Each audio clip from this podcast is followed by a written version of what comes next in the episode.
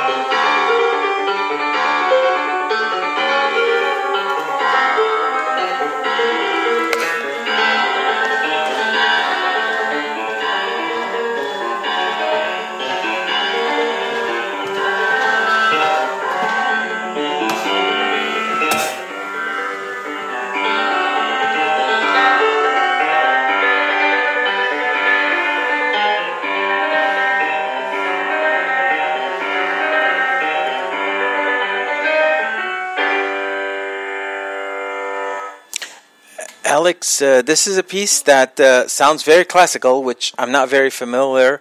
And if if my uh, music appreciation classes help me, would that be in the from the Baroque area or something or era? Um. Yes. Wow. Do I get an extra point now for just guessing that? uh, should I try to guess whose music it is? Uh, do you know which music we were playing? Right? You could hear it, right? Yeah. Uh, was it by any chance Mendelssohn or Bach? It was Bach. Yes, it correct. was Bach. Okay. Hey, I'm pretty. I'm pretty good with the music appreciation. I used to listen to music appreciation classes. Uh, Alex, when did you play this? Was this in a uh, like? Were you practicing at home when you played this piece? Yeah, this was this was when I was practicing at home, um, and then this is also the piece that I I played at Carnegie Hall. Oh, this is the prelude that uh, you played at the Carnegie Hall. Yes, uh, Prelude in C minor. Wow. Okay. See, that tells you how much I know about music. I know modern modern Arabic music, and that's all I stop at.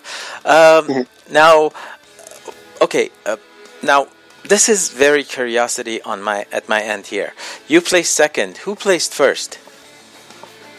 Oh, um, it was it was some it was some Asian kid.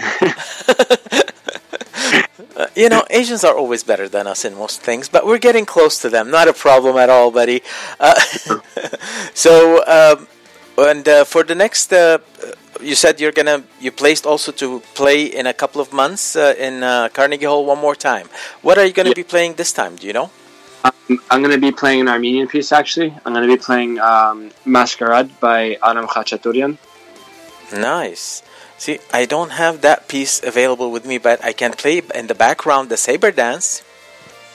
Okay.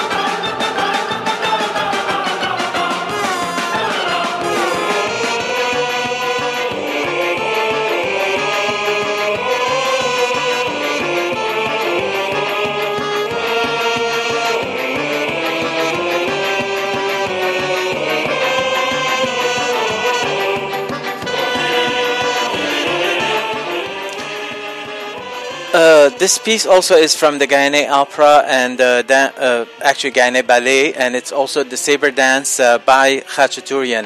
Now, uh, Alex, how do you pick which pieces of music do you want to play? I mean, you still have guidelines, but you have the final choice. Is that correct? Yeah, that that is correct. Um, so majority of the pieces that I play are um, are from Armenian composers, from Khachaturian to Spendiaryan, uh, Babajanyan, um, all of them. I mean, it's it's it's a way for me to connect with my culture, and it's just like it's it's. I feel special when I play those pieces and like express myself through those pieces.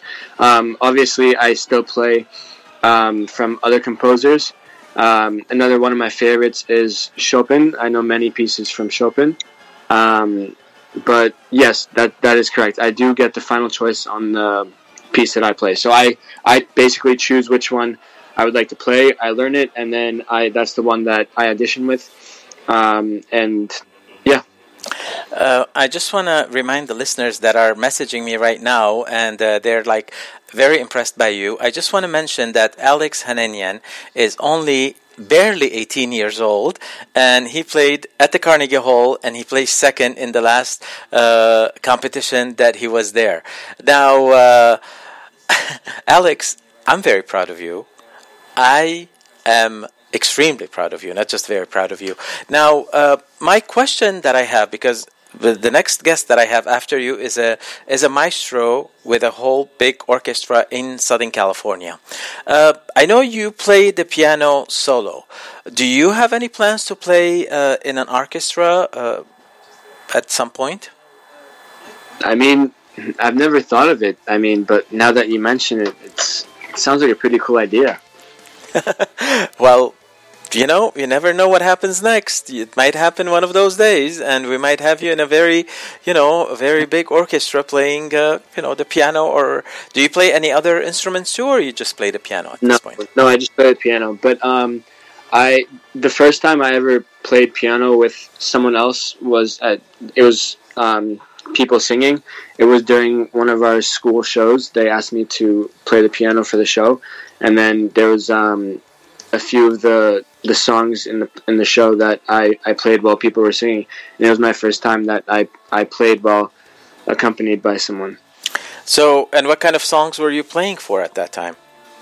Um, Christmas songs. Christmas songs. So, yeah. I would say you're pretty well rounded. I mean, you play classical, you play yeah. Armenian classical, and you play Christmas songs. So, if I tell tell you that I want to sing like a Lady Gaga tune or something, can you go ahead and play it for me, and I'll sing it? Not um, that I um, will do that. Well, anything for you. I mean, I think we can, I think we can work something. uh, Alex, you know, you've been to LA, but I have never met you in person, and I've always hung out with your dad when you guys are in LA. Next time you're in LA, we're definitely hanging out, and I can't wait to meet you in person. And uh, I, I don't know what else to tell you. I love you, man. You're wonderful, and I'm so proud of you. Thank you. It means a lot. I can't wait to meet you too. Um, so what's next for Alex? I mean, we have the contest that's coming up in a couple of weeks. I mean, a couple of months, and then what else is going on? College this year? Yeah, college is starting in um, September, and then um, right now my life is is pretty busy. I'm I got recently elected in January as the uh, to be on the executive board of the Armenian Youth Federation of Boston, and um, we recently held an event three weeks ago, um, and with the work of with the help of the other four executive um, personnel, we raised over uh, fifty thousand dollars for our chapter. So you're an activist, you're a social activist, you're a national activist at the Armenian level, you're an artist, uh, and you're starting college. Is there anything you're not doing, Alex, nowadays? Sleeping. Funny too. I was going to ask you about dating life, but I know your parents are listening. We're not going to talk about that on the radio. We'll talk about it in person. Uh, when I get. uh, Alex, um, so where where are you going to go to school this year? You said you're going to start in uh, September. Um, I'm still waiting to hear back from a few schools, um, but I've I I get most of my acceptances within the next mm, two to three weeks. Mm-hmm. So I'll definitely keep you updated.